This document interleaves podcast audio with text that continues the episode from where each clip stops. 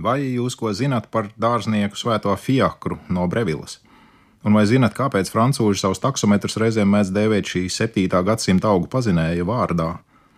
Fiakra kočāra Prāgā, Difiakra Vīnē, Fiakri daudz vietā pasaulē un literatūrā. Tie ir četrvietīgi divjūgi, nelielas karietes un Parīzes sabiedriskā transporta pirmsākums.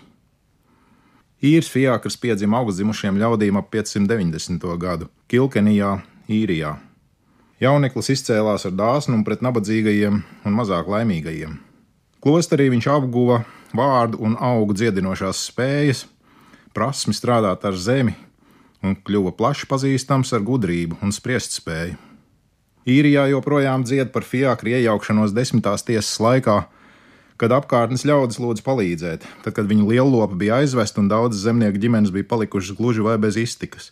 Pirms vēl lielopi bija nokļuvuši līdz Balitīlī tiltam, Fiakars lūdzies par viņu drošu atgriešanos. Un parādījies bišu spiecis, kas atdzinis lielopus atpakaļ tādā ātrumā, ka lopu vedēji nespējuši tos apturēt. Visdrīzāk šī senā dziesma tēlaina vēsta, kā Fiakars apmācījis zemniekus drauniecībā, un viņa iztikšanai bišu koki varējuši aizstāt lielopus. Fiakars godprātīgi kalpoja ļaudīm, taču aizvien pieaugušais mācekļu pulks neļāva ikdienā rast dziļāku mieru. Viņš izlēma pamest dzimto īriju un ap 628. gadu ieradās Francijā un lūdza piešķirt zemi dārzam un vientuļnieka mītnei Brevilas klosterī, netālu no vietas, kur šodien plešas Senfjakars pilsēta. Jau drīzumā Fiakrs atkāpās no sava aicinājuma noslēgties vientulībā un sāka pielāgot piešķirto zemi garām ejošo svētceļnieku uzņemšanai. Viņš lūdza dārzam vairāk zemes, un bīskaps atvēlēja to tik, cik fiakrs spējas uzrakt vienas dienas laikā. Smagais darbs ritējis tik raiti, ka tuvējā ciema sieva Beknaude aiz skaudības devās bīskapam apsūdzēt fiakru burvestībās, jo viņš vienu lāpstu aiz sevis kā spieķi vilkdams esot apvērsis velēnu milzu platībā ar sātana spēku. Bīskaps apskatījis paveikto un apliecinājis, ka viss ir darīts ar dieva gādību, Tomēr noskums par apsūdzību Fiakrs apsēdies uz akmens, un tas tulīt kļuvis mīksts zem viņa raižu smaguma. Visdrīzāk bijis tā, ka no pārmērīgās piepūles bija radušās problēmas ar sēžam vietas asinsvadiem, hemoroīdiem, un senais dārznieks bija atradis veidu, kā ar šo kaiti tikt galā. Jo drīz aizvien vairāk sirdzē ieradās Brevilā, un jo bieži, lai ārstētu hemoroīdus. Vienlaikus šie svētceļnieki no tālām vietām atveda vērtīgu augu sēklas un vairoja klosteru augu daudzveidību.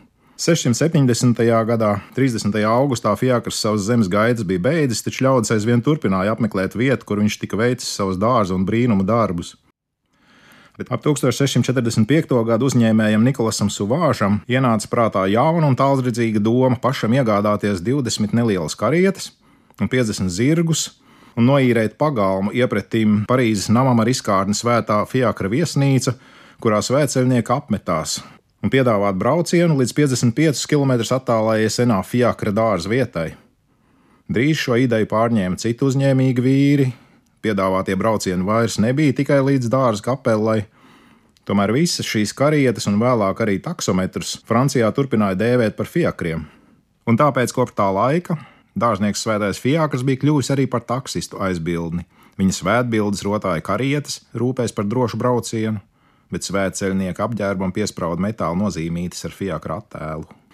1852. gadā dārza vietā no jauna tika uzcelta neliela kapela, kas joprojām ir labi kopta, taču grūti atrodama dubļainas lauku takas galā.